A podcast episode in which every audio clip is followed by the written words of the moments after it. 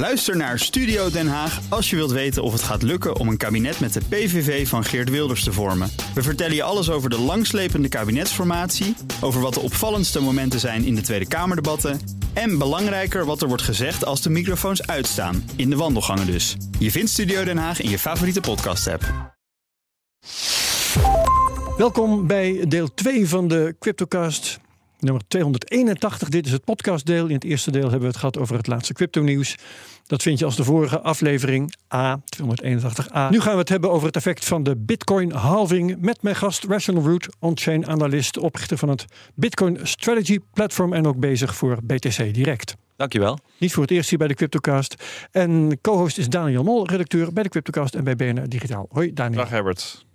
Voor we beginnen, het volgende. De laatste halving van Bitcoin is iets meer dan drie jaar geleden. De volgende halving is over nog maar iets minder dan een jaar. En die halvings hebben invloed op de schaarste van Bitcoin en dus op de prijs. Over de prijsvorming van Bitcoin staat een mooi stuk op bitcoin.nl. En dat is geen propaganda, mocht je dat denken, want ik lees daar. Als de populariteit daalt en de mensen er massaal mee stoppen, dan maakt het weinig uit hoe goed de economische eigenschappen zijn en gaat de koers ook nergens heen. Dat soort dingen staan ook in dat artikel. Intussen gaat deze CryptoCast over de waarneming van analist Rational Root dat sinds de vorige halving de available supply al maar is gedaald. Misschien aardig om de inhoud van deze CryptoCast te vergelijken met dat artikel op bitcoin.nl. Dat kunnen onze luisteraars dan zelf gaan doen. Bitcoin.nl van Bitonic. En luister je graag naar de CryptoCast, dan kun je je beter abonneren. Want dan hoor je elke keer automatisch direct wanneer wij een nieuwe aflevering online zetten. Goed, Rational Root. Uh, actief baasje, on-chain analist. Maar wat doe je precies allemaal online? Ja, ik, uh, ik ben voornamelijk actief op Twitter. En uh, ik ben ook sinds mei een eigen nieuwsbrief begonnen. En ik doe on-chain analyse en cycle analyse eigenlijk van Bitcoin. Wat is je verdienmodel? Nou, ik, ik, van Twitter kun je niet leven. Nee, inderdaad. Nee. Ik, uh, ik heb toch al een redelijk aantal volgers, maar... Uh, 150.000, hè? Ja, dat is veel. ja, dat is de moeite. Ja. Veel uit het buitenland natuurlijk ook. Ja, eigenlijk voornamelijk uit het buitenland, denk ik. Uh, ja, er zit ook wel Nederlands tussen, hoor. Maar, uh, ja. maar meer actief in Amerika, denk ik, mijn volgers. En... Nou ja, ik, uh, ik vind het gewoon leuk om met Bitcoin bezig te zijn, uiteraard. En uh, ja, ik, uh, ik, ik ben nu begonnen met een nieuwsbrief, omdat ik toch merk dat daar ook vraag naar is. En, en ik bied dan ook mijn indicatoren aan via mijn platform, waar je dan toegang tot krijgt als je aanmeldt voor de nieuwsbrief. Dus, Oké, oké, oké. Maar ja. is, het, is het allemaal verder gewoon hobby? Ja, het is, uh, het, het, is hartstikke leuk om te doen. Uh, ik ben uh, natuurlijk gewoon heel fanatiek met Bitcoin. En, en ja, het is inderdaad hobby. En, maar van je hobby je werk maken. Hè? Dus, ja, ja, ja, En doe je gewoon allemaal dingen die je leuk vindt zonder daar verder bij na te denken? Of heb je ook een doelgroep voor ogen? Nou, ik, eh, ik heb wel uh, de doelgroep van uh, mijn nieuwsbrief zijn eigenlijk voornamelijk midden- of lange termijn houders van Bitcoin. En, ook ja, de, de groep. Want je zou denken dat, ja, dat makkelijk is, maar dat is het helemaal niet natuurlijk. iemand die zou aangekocht hebben in 2012 of zo, die zou al lang verkocht hebben als die winst had gehad. Hè? Dus veel mensen denken van, oh je was er vroeg bij, je hebt geluk gehad. Maar dat is niet zo. Hè? Je verkoopt, zodra je natuurlijk winst hebt, ga je verkopen. En ja, iedereen gaat mee met de emoties van de markt. Hè? Dus dus het is best wel moeilijk om je bitcoin heel lang aan te houden zonder te verkopen.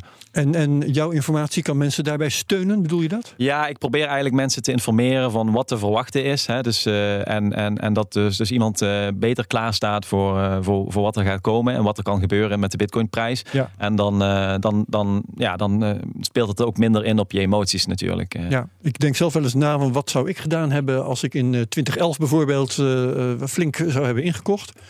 En dan, toen maakte jij je eerste uitzending hier over Bitcoin, toch? 2011 had BNR Digitaal voor het eerst aandacht voor Bitcoin. Dat ja. klopt. En eh, sommige mensen hebben toen gekocht naar aanleiding. Die uh, vertellen me dat nog wel eens. ik niet. Ja. Maar ik denk dat als ik dat gedaan had, dat ik dan eh, wel kwijt zou zijn geraakt, bijvoorbeeld bij Mt. Gox. Ja, je ziet dat bij heel veel mensen. Mezelf. Uh, ik heb wel veel gesproken hoor met uh, bitcoiners die uh, in die tijden zijn, hebben aangekocht. En, en het grote merendeel van hun bitcoin hebben ze verloren. Hè? Dus, dus ja, ja, ja, Of verkocht. Of inderdaad verkocht. Ik, ik zal nooit vergeten dat Martijn Wismeijer hier van General Bytes, van de bitcoin automaten, hier vertelde over zijn 7000 bitcoins die hij had verkocht omdat ze een euro of een dollar of zo waard waren per stuk.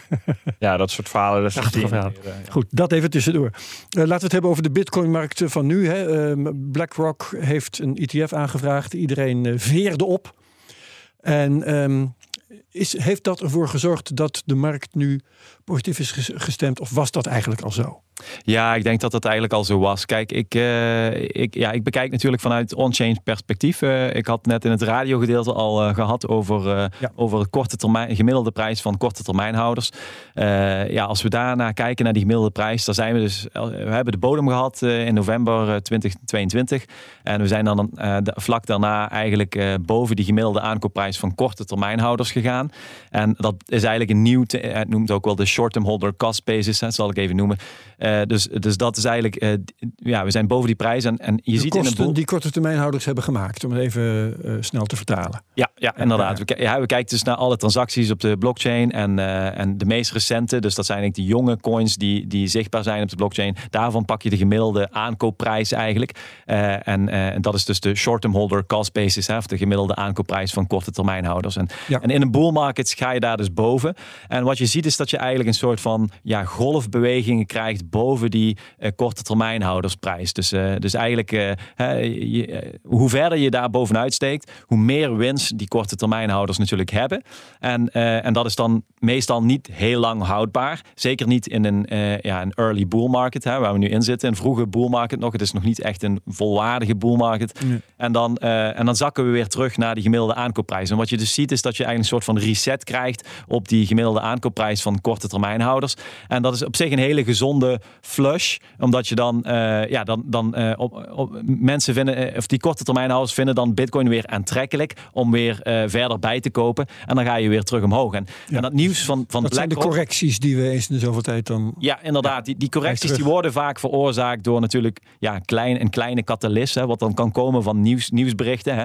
Dus, dus zo'n zo nieuwsbericht als, als BlackRock heeft er weer voor gezorgd dat we dan echt afschoten van die, van die korte termijnhouders prijs. En, en, en, dat is op zich uh, ja, gewoon heel aardig. Eh, zo, zo blijven we verder gaan. Maar het belangrijke is eigenlijk dat die, dat die korte termijnhoudersprijs, die, die loopt steeds verder op. Hè. Dus sinds de bodem die we hebben gemaakt, gaat die uh, langzaam krabbelt die terug. En die gaat dus ook weer richting die uh, recordhoogte wat we hebben gehad van, van 69k. Ja. Hey, hoe zit dat dan? Want ik, ik vraag me dan af, hè, we hebben een bear market achter de rug. En dan had je Terra Luna en je had Celsius en je had FTX en noem ze allemaal maar op, Genesis. Uh, zeggen ja, uh, ben je geneigd te zeggen, de bear market wordt veroorzaakt door die evenementen. En nu zijn we aan het opkrabbelen. En dan krijgen we BlackRock. En dan denk je, ja, oh, BlackRock helpt uh, de bull market weer in het zaal. Maar als ik jou zo hoor, is het eigenlijk andersom.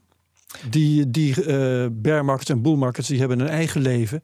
En is het dan zo dat de crypto-pers die evenementen, die, die, die grote gebeurtenissen erbij zoekt of zo? Nee, het is eigenlijk, kijk, als, eh, als uh, als korte termijnhouders bijvoorbeeld flink in de winst staan, hè, dus als, die, als, die, als de bitcoinprijs ruim boven de gemiddelde aankoopprijs van korte termijnhouders staat, dan zijn die gevoeliger voor informatie. Hè. Dus dan, als er dan een bericht komt, dan, dan zijn ze bang en pakken ze bijvoorbeeld de winst en, en zakt die prijs weer terug. Ja. Hè, dus dat, uh, dus, dus dat, dat hangt er een beetje vanaf, zeg maar. Uh, dus het, inderdaad, er is de staat van de markt, hoe die eruit ziet. En dan heb je nieuwsberichten en, da, en dat, uh, dat werkt een beetje samen, zeg maar. Dat, ja, dus de, de markt kiest eigenlijk de nieuwsberichten uit eh, die bij de markt passen? Ja, een beetje wel. Ja, sommige worden heel populair, uh, sommige niet. Er zijn natuurlijk ook echt katalisten, hè? Uh, zoals de Having is daar één van. En BlackRock is er ook wel zo eentje hoor. Ja. dus dus dat, die blijven wat langer hangen natuurlijk ook. En, en die zorgen ook wel dat er meer vertrouwen is in de Bitcoin-markt. Hè? Dus, in, in, hoeverre is de, de, de markt van nu te vergelijken met, met vier jaar geleden? Ik kan me nog heel goed herinneren dat vier jaar geleden, ik, ik heb dat beeld van me, ik stond toen in de sportschool, heel raar dat ik dat daarmee associeer, maar prima. Waar uh, was je toen? Ja, nee, en dat, dat Bitcoin toen, volgens mij was de bodem toen ergens rond de 3000 en toen gingen we echt in een zomer, volgens mij gingen we naar 14.000 en dat had achteraf... Ja hebben we dat een beetje. 2019 was het Zoiets, ja. ja. En toen uh, achteraf konden we dat een beetje verklaren met. De, volgens mij was er heel veel hype rond Libra toen van Facebook. En er was een of andere plus token scam aan de gang. Maar ach, is dat, het doet me altijd een beetje denken aan de situatie waar we nu zitten. Dat we echt wel, we zijn bijna verdubbeld ten opzichte van het FTX drama. Maar ik heb ook nog niet echt het gevoel we echt nu in die nieuwe boelmarkt zitten. Nee, nee, toen was er inderdaad meer hype in, in de markt. Eh, Ja. er waren toen ook echt wat meer, eh, dat kunnen we on-chain dan zien, hè, waren er meer korte termijnhouders Ja. die een beetje hype kwam, eh, ook van nieuwe, nieuw, nieuwe vraag naar bitcoin. Eh, Dat kwam waarschijnlijk door dat van, van Libra inderdaad. En we zijn toen inderdaad op korte termijn heel snel gestegen. En eh, wat, wat, wat we zien als we naar de vierjarige cyclus kijken van, eh, van, van bitcoin, dan, dan zien we dat we eigenlijk de bodem hebben gemaakt op exact hetzelfde moment in die cyclus. En eh, in 2019 hebben we daarna zijn we uit die bodem gekomen en hebben een hele harde stijging gehad. Eh, eigenlijk te snel. Hè? Dus we zijn eigenlijk te ver boven ook die korte termijnhoudersprijs gestegen. En dat was natuurlijk niet houdbaar. En we zijn daarna da- daarom, omdat we eigenlijk te hard zijn gestegen. half jaar alleen maar omlaag gegaan daarna. Ja, inderdaad. Dat was weer een correctie. En wij zijn eigenlijk gewoon teruggecorrigeerd weer naar die, eh, naar die korte termijnhoudersprijs. Dus, eh, dus eigenlijk, de, de, ik vind het eigenlijk nu beter in de huidige eh, markt. Omdat we eigenlijk, hoe korter we blijven bij die, die korte termijnhoudersprijs, hoe minder volatiliteit er is. Hè? Dus als we nu ja, veel harder zouden stijgen, zouden we waarschijnlijk ook later dit jaar bijvoorbeeld weer harder terug naar beneden gaan. Dus eh, ja, Ja. aan de ene kant is vind het ik dat wel spannend. Want eh, bijvoorbeeld, we, we gingen toen van 3000 naar 14.000. En eh, uiteindelijk eh, kwam toen die coronacrash in maart, volgens mij 2020. En dat was gewoon. eh, dat was wel echt een Black Swan ja, event. precies. hè? Dus, eh, Bitcoin, Bitcoin ging gewoon mee met de rest van de beurs. Ja. En al die, die schokbrekers op de beurzen ontstonden. En het was, dat was echt paniek. Als dat Eh, niet was geweest, dan waren we natuurlijk waarschijnlijk gewoon ja, naar, rond de 10.000 blijven hangen of zo. En dan verder omhoog gegaan. Ja. Corona had er nog een keer voor gezorgd dat we echt een, een, een retest kregen Ja. van eh, eh, naar, naar 5.000 eigenlijk. Ja. Dus eh, Ehm, we, j- j- jij spreekt eigenlijk al vrij eh, openlijk over een, een bull market. Ik heb nog even gekeken. Ik vond een stuk op bitcoinmagazine.nl waar jij eh, schreef, of misschien werd je geïnterviewd, dat weet ik niet helemaal precies. Eh, in december, afgelopen december, dat eh, de bodem wel bereikt was. Daar heb je echt ontzettend goed gelijk in gekregen. ja, Ben je daar en- trots op? oh, ik, eh, vind je dat normaal? ja, het is, eh, ik bedoel, dit is mijn werk ook. Hè? Dus ik ben iedere dag aan het kijken naar alle Ah, indicatoren. het, is, het is je moet wel iets, moet wel iets kunnen vertellen. Hè? Dus, dus eh, nee, ja, inderdaad. er waren natuurlijk verschillende signalen. Kijk, als je naar de vierjarige cyclus kijkt van Bitcoin, dan was dat ook precies het moment om een bodem te maken. Ja. En wat we toen hebben gezien ook, was echt een enorm capitulatie-event. Dus je ziet dat er heel veel ja, verliezen worden geboekt op, op zo'n moment. En dus er, er is ook heel veel Bitcoin die van adres wijzigt op dat moment on-chain. Dat kun je dan echt heel goed terugzien. En het zijn toch redelijke unieke ev- events. Eh, we hadden er wel ook wel eerder iets van gezien. Hè? Ook bij Terra Luna of zo was er ook zo'n capitulatie-event. Eh, soms zie je er gewoon twee of drie of zo tijdens zo'n bear market. En dan is het wel ook zo ongeveer over. En, en aangezien we dus precies in die vierjarige cyclus zaten op dat moment waar de bodem eigenlijk zou moeten vallen. En we hebben dan zo'n enorm uniek eh, ja, capitulatie-event, was het voor mij wel vrij duidelijk dat het een hele, ja, een, gaf ik een hele grote kans dat, dat die bodem dan ook echt gemaakt werd. ja, ja. wat mij echt verbaast, want die, we hebben het over die vierjaarscyclus hè, rondom de halvings, ehm, is dat die, die pieken en die dalen zo precies elke keer op dezelfde plek vallen. Het is, hè, de, de, we hadden pieken rond de jaarwisseling 2030, 2013, 2014, wat pieken rond de jaarwisseling 2017, 2018, pieken rond de jaarwisseling 20, eh 2020. Nou, we gaan even, even kijken. 20, 21, 21, 22. Eh, de dalen zitten daar ook steeds precies tussenin. Ja. Hoe kan dat? Ja, dat is, dus. raar? De, ja, Je ik zou denk, toch wat meer variatie verwachten? Ja, dat zou je verwachten, maar dat is dus niet zo. Eigenlijk is de, de Bitcoin blockchain ook eh, Alsof ja, een soort iemand... op- opname van eh, menselijke emoties die zich afspelen over een periode van vier jaar. En je ziet dus een soortzelfde beweging eh, weer de hele tijd terug. En het maakt niet zoveel uit welke nieuwsevents dat dus veroorzaken. Nee. Dit blijft toch. en, en er zit wel wat speling in. Hè? Het is niet helemaal Ja, maar niet hetzelfde. veel. Het is amper meer dan een maand. Ja, terwijl die halvings die zijn dan in, in eh, Met de pieken en de bodems is dat inderdaad het ja, geval. zo'n beetje in april eh 2020, 2014 enzovoort. eh, steeds vier Ja, jaar. oké, straks maar de, de 2024. boelmarkt is, was natuurlijk in 2021 bijvoorbeeld wel echt anders dan die in 2017. Ja, qua in 20 patroon, maar niet qua piek. Ja, Ja. nee, oké, ja. Inderdaad. Ja. En, en ja, wat je dus, eh, ja, kijk, de, de having is eigenlijk de catalyst geweest hè, voor iedere cyclus van, van Bitcoin, historisch gezien. En eh, ja, je ziet gewoon dat als dan nieuwe hype in die markt komt, dat is iets wat zich ja, ongeveer een jaartje eh, kan volhouden, maar dan zwakt dat weer af. Hè? Ja. Dus, en dan krijg je dus, als dat dus afzwakt, dan krijg je dat weer gevolgd met eh, ja, een prijsdaling, wat dus zorgt voor eh, zo'n bear market. Je blijft dan wel op een hoger niveau hangen natuurlijk, maar, maar, maar dat zorgt, en zo'n zo'n bear market, dat is weer zo, ja, ja, blijkbaar hebben mensen nu eenmaal een jaar nodig om, om, om, hè, om zo'n bodem te maken. Ja. En, dan, en dan gaan we weer een soort van twee jaar herstel hebben we dan weer nodig blijkbaar. Dus Maar is het volgens jou, ik weet niet of, of je daar iets stelligs over durft te zeggen, is het volgens jou een gevolg van de wiskunde in het hele Ja. Bitcoin-systeem of is het een gevolg van de menselijke psychologie? Ja, het is een beetje eh, beide. Eh, was ik al bang voor. Ja, het, eh, kijk, als we kijken, als we nog verder uitzoomen en we vergelijken bijvoorbeeld Bitcoin met de S&P eh, 500, dan eh, als we bijvoorbeeld naar de, de, ik vind dat een heel interessante vergelijking. Dus de, de RSI, we kunnen bij, bij De- traditionele, de traditionele index, markt. Relative Strength Index. Ja, bij de traditionele markt hebben we natuurlijk geen toegang tot on-chain. Dus we kunnen dat alleen maar vergelijken via TA, hè, technical analysis. Dus als we kijken dan naar de Relative Strength Index van de S&P en we vergelijken die met eh, die van Bitcoin, dan zien we echt een soortzelfde patroon, ook van vier jaar in, in die S&P. En dat, de Bitcoin gaat Oh, eigenlijk gewoon heel Ja, netjes ja, ja. mee. En het is ook niet zo raar. Bitcoin is natuurlijk ontstaan uit de crisis van 2008. Hè, dus we zijn eigenlijk precies begonnen. Dan zou je kunnen zeggen dat die halving helemaal niet zoveel invloed heeft. Want die kan moeilijk invloed hebben op de S&P. Hij, hij dient, ja, inderdaad, ja. Hij dient wel echt als catalist. Want, want die boelmarkten bij Bitcoin zijn natuurlijk wel, eh, die hebben wat meer returns ook opgeleverd dan bij de S&P bijvoorbeeld. Hè. Dus, eh, dus de, het is wel echt een catalist. Maar het ging inderdaad, ja, eh, de mysterie, het mysterie blijft eigenlijk, waarom heeft Satoshi die vier jaar precies gekozen? Zeg maar. maar hij heeft waarschijnlijk ook gekeken naar, eh, naar toch de macro-economie. Waar je in bijvoorbeeld ook, je hebt de Purchase Manager Index of zo. Dat is ook, die, die gaat ook in een vier, vijfjarige termijn. Dus hij heeft waarschijnlijk toch daar een op een of andere manier een beetje rekening mee Ja, gehouden. ja. Het wonderlijke is, die halvings, dat is allemaal van tevoren bekend. Ja, En ik iedereen ook- weet dat hij komt. Ja, dat van de vorige keer eh, weet ik ook dat van tevoren werd gezegd van ja, maar gaat die wel zo'n invloed hebben? Want dat moet allemaal ingeprijsd zijn. Iedereen kan dit weten.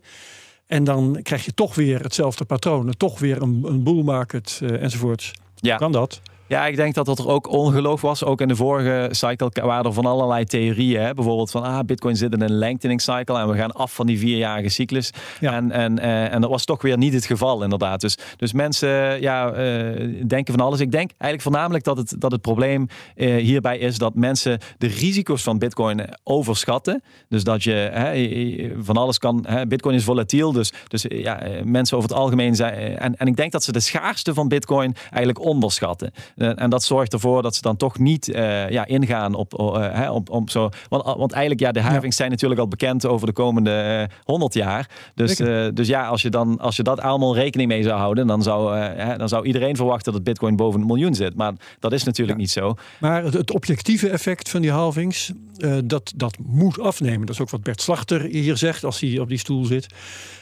waar jij nu zit. Ehm, de de eh, toename van die bitcoin hoeveelheid, Ja. die halveert elke keer. Ja. De invloed daarvan moet dan ook elke keer halveren. En dat zie je ook wel aan de patroon. Hè? De, de bitcoin curve in die, die be- bekende logaritmische grafiek, die neemt ook af. Die vlakt af. Ja, de shock die, eh, die wordt dus inderdaad minder. Maar die wordt een beetje gecompenseerd met de hype rond die having. Hè? Want, want die is weer toegenomen. Dus, eh, dus dat zorgt er wel weer voor dat, dat die shock dan toch nog in de prijs in ieder geval groter wordt. Maar, maar wat, ja, misschien kunnen we een beetje verder gaan op, eh, op, op mijn waarneming dan van die derde Ja, having. kom maar op. Ja. Eh, dus dus eh, kijk, ik, wat ik eigenlijk probeer te doen is via on-chain analyse kun je eigenlijk, we hadden het net al gehad over die korte termijnhouders.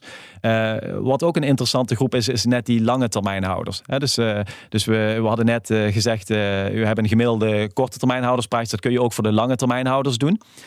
De lange termijnhouders is eigenlijk een beetje de groep van hodlers. Hè? Zou je dat kunnen zien. Ja. En eh, hoe, hoe kijken we dan nu naar? Daar kijken we ook dus weer bij naar de leeftijd van die transacties. Hè? En we zien eigenlijk dat eh, ja, als een transactie meer dan vijf maanden op de blockchain staat en er is niets mee gebeurd, dan is die kans dat, dat, die, eh, dat die bitcoin wordt verkocht, die is aannemelijk kleiner hè, dan, dan daarvoor. En vandaar dat we, het, lijkt een beetje arbitrair, maar die, die vijf maanden, dat is eigenlijk een soort van cut-off die je kunt doen, waarbij je echt ziet dat, dat die bitcoin veel minder snel gaat worden uitgegeven. En uh, dus dat, dat, dat, uh, dat is eigenlijk, dat laat zien van dat, dat, dat dat waarschijnlijk meer mensen zijn die dus die in Bitcoin zitten voor lange termijn. En uh, dat is dus de groep van hodlers in Bitcoin. Uh, een andere manier om daarnaar te kijken is eigenlijk de, de liquid en illiquid supply.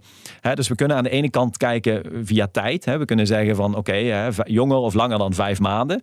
Uh, aan de andere kant kun je ook kijken naar het gedrag van uh, iemand op de Bitcoin blockchain. En daarvoor kijken we naar entiteiten. Hè? Dus een persoon kan eigenlijk meerdere entiteiten zijn. We kunnen dat niet precies weten van wie dat die bitcoin allemaal is. Uh, maar je, je ziet dus als bitcoin in bepaalde adressen die bij elkaar geclusterd zijn, die bij elkaar horen. Daar kun je van zeggen, ja, als er nu minder dan 25% van wordt uitgegeven, die 25% is ook weer een beetje arbitrair, net zoals bij die vijf maanden. Maar als we dat, uh, als we dat aannemen, hè, want ook lange termijnhouders hè, of hodlers, die zullen ook op een bepaald moment een heel klein beetje van hun bitcoin verkopen. Ja. Maar als het meerderdeel aanhouden, dus laten we zeggen dat ze 75% van die bitcoin aanhouden, dan kunnen we toch echt aannemen dat ja, dat, dat eigenlijk een, een, een, een entiteit is die voornamelijk die bitcoin voor lange termijn wilt aanhouden. Dus, uh, dus beide, uh, en we noemen dat dan illiquid supply. Hè? Dus ja, illiquide, dus eigenlijk, die is niet beschikbaar. Die is niet beschikbaar, wat die zo supply. iemand heeft. Ja. Dus als je naar de, schaarsheid, de schaarste van, van bitcoin gaat kijken, hè, we kunnen aan de ene kant zeggen van oké, okay, bitcoin is 21 miljoen, dat is het maximaal. Hè? Dus dat is de, de schaarste van bitcoin. Ja. Een, een betere manier om daarna te kijken zou zijn om te zeggen van oké, okay, we hebben 19,5 miljoen bitcoin in omloop. Hè? Dus dat is eigenlijk de schaarste. Ja, dus eigenlijk niet die 21, maar die 19,5. Ja. Maar nog een betere manier waarschijnlijk om naar schaarste te kijken is om te zeggen van oké, al die lange termijnhouders of die mensen die eigenlijk die gewoon die, die bitcoin van de markt plukken en daar die gewoon in cold storage zetten en, en daar eigenlijk niet meer verder naar willen kijken, onafhankelijk van de volatiliteit van de prijs. Uh, ja, als we die nog eens eraf tellen, dan blijven we eigenlijk over met de beschikbare supply die eigenlijk, ja, die eigenlijk beschikbaar is voor het traden. En dat, uh, en dat is een hele interessant gegeven. Uh, dus je hebt naast de liquid supply heb je de available supply. De available supply. Eigenlijk ja. is dat dus de liquid supply. Ja, je kunt dat onderverdelen nog in highly liquid en liquid. Maar ik noem dat dan de beschikbare supply voor te traden. Hè? en dat is eigenlijk meer de supply die echt wordt gebruikt voor te handelen in bitcoin. En hoe groot is die dan ongeveer? Ja, dat is rond, rond de 5 miljoen uh, coins van, van, okay. hè, van de 19,5. Dat is wel heel interessant, wat dat betekent dus dat veranderingen in, uh, in de vraag, die hebben een groter effect als die available supply klein is. Ja, inderdaad. Hoe, hoe kleiner die is, ja. hoe volatieler eigenlijk ja. je zou verwachten dat bitcoin is. Mijn hypothese eigenlijk over, dus dat, dat in, als we dus kijken naar die beschikbare supply, dan zien we dat die eigenlijk uh, richting de derde having uh, werd die groter. De derde having was uh, 20, 20, 20, 2020. De vorige was Dus tot 2020 ja. werd eigenlijk die beschikbare supply steeds groter. Nou, waar dat kwam, waar, waardoor kwam dat? Ja, omdat dus uh, dat infl inflatiepercentage op het begin was dat zo heel hoog. Hè? Dus we hadden 50 bitcoin ja. iedere 10 minuten en 25 bitcoin iedere 10 minuten. Dus uh, er kwam heel veel bitcoin bij. Maar er werd eigenlijk toch maar relatief weinig bitcoin uh, ja, weggezet voor cold storage. En, en dus werd die beschikbare supply werd steeds groter eigenlijk. Dus, je, dus, dus je, eigenlijk uh, op het moment dat de halving van 2020 gebeurde, was Bitcoin het minst schaars ja. in zijn historie. In zijn eigenlijk. hele historie, ja. En, ja. Uh, en, en als je dus denkt van, oké, okay, we hebben diminishing returns gezien. Hè? Wat is ja. uh, uh, een beetje de, de logcurve, de bekende logcurve die we wel kennen van de prijs misschien. Steeds minder hoge pieken. Minder, steeds minder ja. hoge returns, steeds minder hoge pieken. Ja, dat als je dan denkt van, ja oké, okay, maar we hebben ook steeds een, een, minder schaarse bitcoin gehad bij iedere cyclus. Dus ja, mijn hypothese is dus van, oké, okay, sinds de derde having zijn we eigenlijk, hebben een soort omslagpunt gehad, dus een flexiepunt, waarbij uh, opeens die groei van, uh, van die beschikbare supply, die, die, uh, die neemt weer af. Dus we zijn schaarser aan het worden. En, en, en dat is dus eigenlijk voor het eerst in de historie van Bitcoin zo. Ja, en, en wat verwacht jij daarvan? Betekent dat dan toenemend meer, ik zei net, meer volatiliteit? je kan, kunt ook zeggen, als je het in, uitdrukt in termen van schaarste, uh, dat de prijs harder omhoog zou moeten gaan dan die in het verleden heeft gedaan. Ja, ik denk dus wel eens dat, uh, dat misschien die diminishing returns theorie, dat die niet, uh, wellicht niet stand gaat houden. het is maar de vraag, er spelen natuurlijk verschillende krachten. Hè. We hebben aan de ene kant hebben we een, een groeiende market cap. Hè, dus dat er zijn eigenlijk steeds meer mensen betrokken in de bitcoin markt. En dus er is ook steeds meer geld nodig om die prijs te laten bewegen. En, en, en ja, dat, zo, dat is eigenlijk een soort van neerwaartse kracht op de bitcoin prijs. Dat zorgt eigenlijk voor die diminishing returns. Dus dat is ook een beetje de, log, de logcurve die je kunt zien in de prijs van, van bitcoin. aan de andere kant hebben we dus de schaarste. En ja, iedereen heeft het altijd hè, van oh, bitcoin is 21 miljoen schaars. Maar eigenlijk zijn we pas sinds die derde having voor het eerst schaars aan het worden. En sinds die schaarsheid is eigenlijk, sinds die schaarste is eigenlijk opgelopen, hebben we eigenlijk nog niet echte hype in de markt gezien. Hè? Want, want die, die, de vorige hype cycle, hè, ik even 2020 na corona, de, de, piek die we hebben gemaakt, dat was dus rond het moment dat Bitcoin het minst schaars was in zijn hele historie. Ja, nou ja, het was, het was na die halving, hè, dus die. Ja. Uh, uh, ja, we hebben begonnen op het punt van de halving met het minst de, dus ja, het was het minst schaars. De minst schaars. Vanaf dat moment is Bitcoin schaarser geworden. Ja, op dat, nee, maar op dat moment begonnen we dus echt die bull market. He, dus, uh, en, en, en we zijn inderdaad wat schaarser geworden daarna. Maar eigenlijk nog altijd relatief niet, niet zo heel schaars okay, ten ja, opzichte want, want, van... Ik wilde net zeggen, als een soort tegenwerping, uh, die piek van 2021, die viel eigenlijk iedereen heel erg tegen. Viel die jou ook tegen? Destijds? Ja, die viel mij ook tegen. Ja, Iedereen, en dat kwam misschien ook een beetje omdat uh, plan B bijvoorbeeld, die we toen nog allemaal hoog in het vaandel hadden staan. Die had dus toen uh, geïnjecteerd met uh, naar 100k en misschien wel 288k. Nou, dat Juist, ja. hebben we allemaal niet gehaald. Maar ik heb bijvoorbeeld Bert Slachter, uh, die ik een stukje hoger heb zitten volgens mij ook wel eens 100k horen roepen. Ja, ja. Um, ik, ik heb dat ook gedacht hoor. Ja, ik dacht ook, ja, maar is dat dan is, zo'n prijs waar iedereen eigenlijk van dacht uh, binnen Bitcoin dat dat gehaald zou dat gaan worden. Zijn, en, en, dat was niet gelukt. En dat, dat is deels misschien uh, te zeggen van oké, okay, we hadden toen ook uh, natuurlijk die futures ETF die net aan bod Dus er was wat papieren Bitcoin en, en er waren dingen zoals FTX hè, die, die deden alsof ze heel veel Bitcoin hadden, maar eigenlijk hadden ze helemaal niet zoveel Bitcoin op de balans. en, en, en, dus hè, mensen kochten veel papieren Bitcoin aan. Dat heeft wel ook een beetje meegewogen waarschijnlijk allemaal. Maar ook dus die schaarsheid van Bitcoin. De schaarste. Bitcoin was het minst schaarste. Dus ik denk dat we daardoor ook gewoon uh, minder uh, goede resultaten hebben geboekt. Uh, en, en, en ik denk dus dat dat de volgende cyclus kan gaan veranderen. Want we, hebben nu, we zijn nu een stuk lager. Ik denk dat we de, als we de volgende bull market ingaan, zijn we qua schaarste zijn we eigenlijk meer vergelijkbaar met de 2017 markt. Ja. daar hebben we natuurlijk, als je, als je denkt, oké, van, van we zijn ongeveer van 1200 dollar naar 20.000 dollar gegaan in die, in die uh, cyclus. Nou, ik weet niet of we een 20x gaan doen met de volgende cyclus. Hè. Uh, afgelopen cyclus hebben we iets meer dan, dan 3x gedaan. Hè. We zijn van, uh, van van 20.000 naar 69 gegaan. Dus uh, ik, ik, ik verwacht dat we daar ergens misschien tussenin gaan zitten. Het is, het is de vraag blijft ook van ja, hoe, welke kracht heeft nu de overmacht? Hè? Dus de, de schaarste van Bitcoin of hè, uh, dit, natuurlijk ja, maar ik heb hele... wel een andere vraag, als ja. ik die er tussendoor mag gooien. jij stelt nu dus vast dat die, dat die schaarste toeneemt, hè, omdat die available supply afneemt. Ja. Um, is daar, is daar een oorzaak voor aan te wijzen, is mijn eerste vraag. En de tweede vraag is, eh, waarom zou dit doorgaan? Ja, als we dus zien, bekijken naar de, de illiquid supply van, van Bitcoin. Hè, het is dus een, een, me, een manier van meten van uh, wat doet die groep van hodlers, hè, die de Bitcoin eigenlijk af de markt, de markt afneemt. Uh, en uh, we zien eigenlijk dat zowel illiquid supply als long-term uh, long holder supply, dus de lange termijn houders, dat is ongeveer vergelijkbaar. Hè? Dus dat geeft, oh, er zijn twee manieren om datzelfde te meten. En ze zijn beide niet perfect. Hè? Mm. Het is een, een, een we proberen dat te meten, maar dat kan niet 100% perfect. Is geen echte werkelijkheid natuurlijk. Maar omdat ze een beetje beide hetzelfde aangeven, geeft dat voor mij wel aan van oké, okay, dit is een redelijke goede meting. Hè? en, en, en we zien dus dat eh, ja, dat die schaarste dus is aan toenemen. En dat komt dus omdat die lange termijnhouders, die, de groei van die lange termijnhouders, dat is een soort van lineaire stijging in bitcoin termen. En die blijft maar doorgaan. Maar die havings die zorgen ervoor dat nieuw, dat bijkomende bitcoin, dus de inflatiepercentage gaat steeds omlaag. Dus uh, het moment dat, dat die groei van die lange termijnhouders harder ging dan het inflatie, ja. inflatiepercentage, dat is gebeurd rond de derde having. En vandaar dat ook dat omslagpunt rond die derde having ligt. Maar ja. volgens mij, Herbert, was jouw punt dat, dat ook zeg maar de, de supply die jij nu ziet als illiquid, dat die uiteindelijk ook een keer liquid gaat worden. Omdat die mensen dan uiteindelijk... Als de prijs maar genoeg stijgt. Ja, precies. ik, kijk, toch wel ik, een ik keer. val ja. helemaal... Mijn muntjes vallen helemaal onder jou, eh, de, de illiquid supply. Alleen misschien als, ik, als de prijs 100k is, dan ja. uh, ga ik lekker naar Ibiza. De groeten. Ja, dat klopt. Maar dat, dat zien of, we... Of, of, spreiden of iets dergelijks. We zien eigenlijk ook Iedereen maakt zijn eigen keuzes. We zien ook een beetje een verschil in, uh, in principe staan nu uh, illiquid supply en long-term holder supply, die staan ongeveer op hetzelfde punt. Maar we zien dat bij long-term holder supply is gevoeliger voor, uh, voor de prijs. Dus bij long-term holders zie je als we exponentiële prijsstijging krijgen, dan gaat die long-term long holder supply gaat even omlaag. En dat komt dus omdat mensen winst willen boeken. Hè? Dus, ja.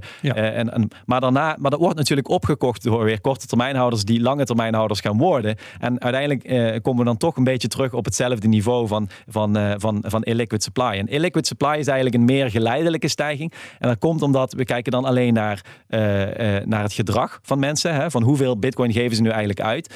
En we zien daarbij dat ja, zowel nieuwkomende mensen die geïnteresseerd zijn om voor lange tijd bitcoin aan te gaan houden. Ja, die, die gaan dan ook niet uitgeven. Daarom zie je daar minder die volatiliteit van die prijs terug.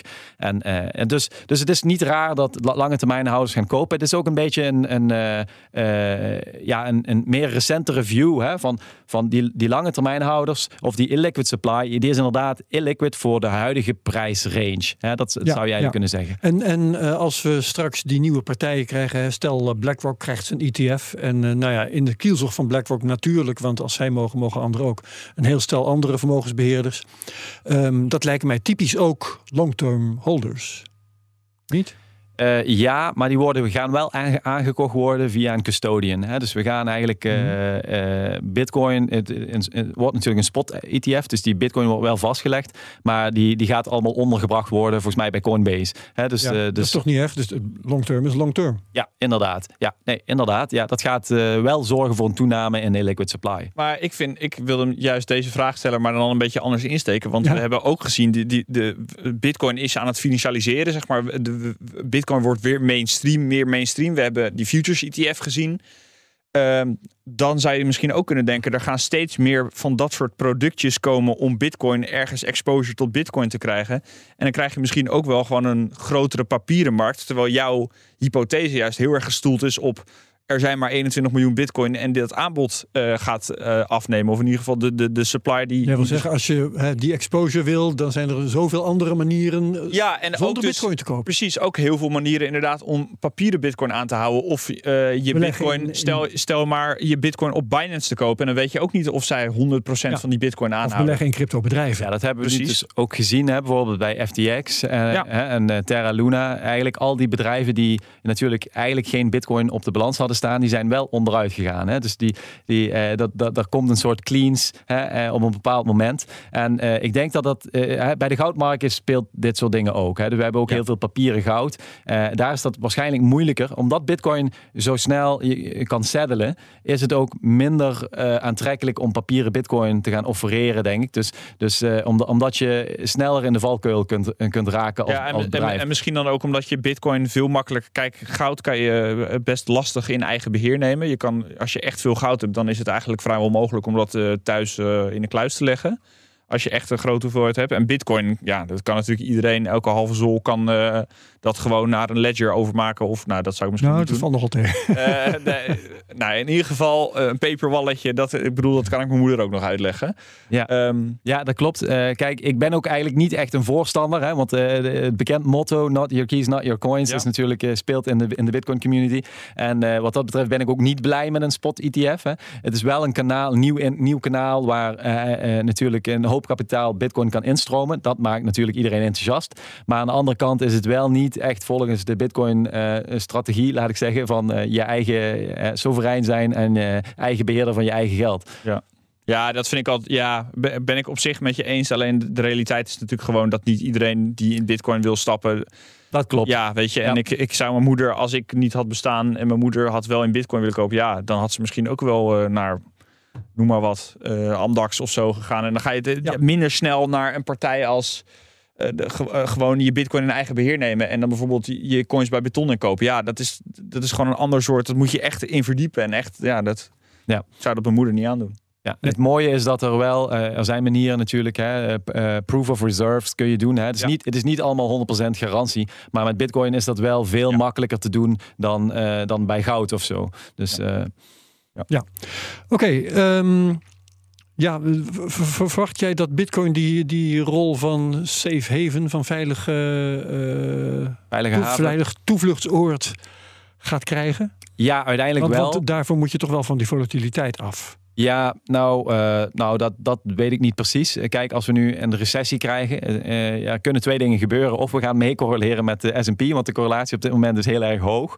Uh, een hoge positieve correlatie met, met risicovolle assets. Dus bitcoin wordt ook als risicovol gezien in de traditionele markt. Maar dat kan ook switchen. Hè. Dus als we, als we een recessie gaan krijgen, en er zijn natuurlijk verschillende indicatoren die dat ook nog al aangeven, dan, dan, kan, het, dan kan het wel zijn dat, dat bitcoin meer het van goud gaat krijgen. En dat we toch als safe haven gezien gaan worden. Want uiteindelijk, kijk, bitcoin is natuurlijk eigenlijk geen risicovolle asset. Het wordt wel zo gezien vanwege de volatiliteit. Uh, Maar ik denk dat dat eigenlijk uh, gewoon een, een, een uh, ja, deze periode is dat het narratief. En dat is ook helemaal geen probleem. Het, is een soort, het hoort bij de volwassen, het volwassen worden van Bitcoin. En uh, ik denk dat uh, de, ja, de volgende cyclus kan daar verandering in komen. En misschien zou een recessie zo'n verandering teweeg kunnen brengen. Als, als, er geen, als er geen echte sterke recessie komt, dan, dan kunnen we wat langer gecorreleerd blijven, waarschijnlijk met de SP. dus ja, we zullen zien. daarvoor kijk ik natuurlijk naar, continu naar indicatoren om, om te kijken hoe dat zich verder ontwikkelt. Ja, ja, um, we hadden het net over die, um, die afnemende afnemende prijsstijging van bitcoin. Hè? Mm -hmm. Dat afvlakken van die curve. Jij zegt het zou uh, in deze cyclus zou uh, dat wel weer eens anders kunnen zijn. Het kan wel weer eens een stukje steiler gaan. Um, maar ja, ik betoog altijd als ik het hier met mensen over heb, er, er moet een keer een einde aankomen. Je kunt niet honderd jaar lang elke vier jaar vertienvoudigen. Dus waar denk jij dat het dan wel stopt?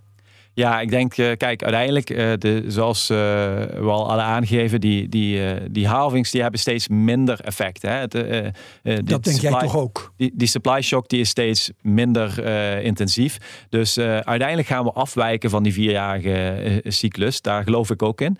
het hangt natuurlijk af van wat, wat er speelt. Hè? Het, het, zou zomaar kunnen dat er een andere catalyst komt die eigenlijk sterker is dan die van de halving. Bijvoorbeeld, stel volgende maand de BlackRock ETF eh, zou uh, uh, goedgekeurd worden, ja. dan, dan zou dat ja, ook een, een bull market teweeg kunnen brengen. En dan zijn we eigenlijk er vroeg bij natuurlijk. Hè? Te vroeg op de vierjarige cyclus. En dan, dan, dan kan het zich gaan verschuiven eigenlijk. Hè? Dus, dus aan de andere kant hebben we ook weer een, een, een potentiële recessie hè? die er, die er nog aankomt. En dus dat kan eigenlijk het weer de boel weer vertragen. Hè? Dus, dus ik, ik denk uiteindelijk, ja, die vierjarige cyclus, daar gaan we langzaam vanaf. maar uh, ja, we moeten zien. Uh, veel mensen hebben dat dus gedacht in de afgelopen uh, cyclus ook. Hè, dat, dat we bijvoorbeeld de lengthening cycle gaan krijgen. Maar uiteindelijk zitten we nog gewoon precies perfect in de vierjarige cyclus. Dus uh, ik, ik blijf daardoor beter indicatoren volgen om te kijken van uh, waar we staan in die cyclus en of we nog, uh, nog precies op koers liggen. Wanneer, wanneer verwerp jij je model eigenlijk? Want de, we hebben, en dan sorry dat ik weer onze heilige profeet Plan B aanhaal, maar die hebben uiteindelijk is die geëindigd met een, met een floor model volgens mij. En na de, deze maand was het echt dan, weet ik veel, 30k. Het moest 30k worden en het werd het niet. Nou ja. ja. Jammer de bammer. Uh, wanneer zeg jij, oké, ik zat fout, uh, het zit allemaal anders? Ja, kijk, ik, ik, heb hier natuurlijk niet echt een model hè, dat we volgen. Nee, nee, het is eigenlijk gewoon de vierjarige we hebben, cyclus. We hebben Root nog geen precieze prijsvoorspelling afgedwongen. Dat gaan nee, we zo doen. Dat, dat gaan we zo doen. En dat, hij, ja, dat, dat is ook het probleem een beetje bij, bij Plan B. Kijk, hij, hij had natuurlijk dat model. En uh, in, in 2012 zaten we ook, uh, ik weet niet, vier standaard deviaties of zo boven uh, zijn model. Daar heeft niemand over geklaagd. Hè, omdat dat natuurlijk ja. hoge prijzen waren. Maar zitten we er twee onder, dan, dan, dan, ja, kon, kon, okay. dan was het model kapot. Hè. Dus, dus dat is, uh, ik weet niet of dat helemaal terecht is. Er waren natuurlijk uh, uh, opmerkingen op zijn model die echt terecht waren. Hè. voor mij is het ook gewoon een model. Hè. Dat is niet echt een. het is niet uh, ja, representatief voor de werkelijkheid natuurlijk. Je probeert dat te modelleren, maar daar kunnen dingen misgaan. Dus ik, ik ben daar ook voorzichtig mee. Ja. Uh, ik probeer ook vaak toe te geven dat ik fout zit of dat het fout kan gaan. He, ik, uh, ik wil daar ook, daarom ben ik ook heel voorzichtig met prijsvoorspellingen. He, dus ja, ik, het is moeilijk, zeker op Twitter, om uit te leggen van dat men denkt in termen van waarschijnlijkheden. He, dus het ja. is meer zwart-wit. Roet heeft gezegd, we gaan boven de 100k. Ja, nee, het is bijvoorbeeld, het is waarschijnlijk dat dat, dat gaat gebeuren in de volgende cyclus. Maar ja, ik kan daar geen zekerheid over geven natuurlijk. Dus, ja, dus die, die prijsvoorspelling, nou, je, je zegt nu, uh, en ik neem aan dat je dat meent, uh, 100k is waarschijnlijk, maar niet zeker. Um, wat is nog meer waarschijnlijk, maar niet zeker? Uh, nou ja, ik denk dat we, dat we de volgende, dat de cyclus, uh, er is een grote kans dat die vierjarige cyclus nog, uh, nog zeker vier jaar gaat, doorgaat. ik acht daar weer een grote waarschijnlijkheid aan. Ja. Omdat het zou ons heel goed kunnen dat als die BlackRock ETF goedgekeurd gaat worden, dat dat een beetje gaat samenvallen met de, de volgende having. Dus het eerste kwartaal ja. van volgend jaar. Precies. En dat zou dus, dus ook al is die having misschien wat mager qua impact, dan krijgt hij nog een extra boost door zo'n spot ETF. Eh, en dus, uh, dus we hebben aan de ene kant een supply shock, maar aan de andere kant een toename in de vraag. En ja, dat, dat zorgt dus eigenlijk voor een extra grote supply shock. Dus, dus en dan, dan, dan zou eigenlijk weer hetzelfde patroon zich kunnen blijven herhalen. Ja. Dus, maar dat zijn dingen waar, ik, ja, ja, waar je continu naar moet kijken natuurlijk. Zeker. En ik uh, herhaal hier nog maar eens eventjes uh, dat wij hier geen beleggingsadvies zitten te geven en uh, dat dit puur speculatie is. Puur speculatie. En um, ja, echt. weliswaar redelijk nadenken over, maar verder geen zekerheid bieden. Dus neem je eigen beslissingen, zei ik altijd maar, en geef ons niet de schuld als het misgaat. Daniel, hebben we nog dingen te vragen? Um, nee. Ik denk, we gaan weer een glorieuze boelmarkt tegemoet. En koop vooral. Nee, grapje. Nee, uh, nee. Aandelen Betonic of zo. Ja, ja precies. Ja, de, ja, de, ja, ik denk nog altijd dat we, bij dat we in een soort uh, een, een, een, beetje saaie periode zitten. Ja. Ik, ik, noem het ook wel. Dat is waar, hè? Ja, ja. Zeker, zeker zo'n periode dat het zijwaarts gaat. Het is weliswaar maar een paar weken. Oh, waarom gebeurt er niks? Ja, ja, we gaan eigenlijk geleidelijk omhoog hoor. We zitten gewoon van 15k nou, naar 30k verdubbeling in zes maanden. Ja, ik klaag niet. Maar uh, ja, het voelt misschien wat saai aan uh, in, in bitcoin termen. Ja. Goed. Nou, saai in bitcoin termen. Daar uh, houden we het dan bij voor deze CryptoCast. Zeker. Dankjewel Rational Root voor je inzichten in deze podcast. Dankjewel. Dankjewel Daniel Mol, omdat je hier co-host hebt willen zijn. En jij bedankt Herbert. Uh, ja, nou, heel wordt nooit bedankt. Dus, uh... ik was nee, leuk om mij een keer te bedanken. Ja. Dankjewel voor het bedanken. Ja, en vergeet deze CryptoCast niet te delen met je volgers op Twitter. Mention at CryptoCastNL. Reviews op Apple Podcast niet vergeten. Dan kunnen we beter gevonden worden. Like, subscribe en comment op YouTube. En voor de rest hartelijk dank iedereen die heeft geluisterd en gekeken. En ook heel graag tot volgende week. Dag. CryptoCast wordt mede mogelijk gemaakt door BitTonic. Al tien jaar lang de Bitcoin-autoriteit van Nederland. Ook Bas van Werven vind je in de BNR-app. Ja, je kunt live naar mij en Iwan luisteren tijdens de ochtendspits. Je krijgt een melding van Breaking News. En niet alleen onze podcast Ochtendnieuws, maar alle BNR-podcasts vind je in de app. Download nu de gratis BNR-app en blijf scherp.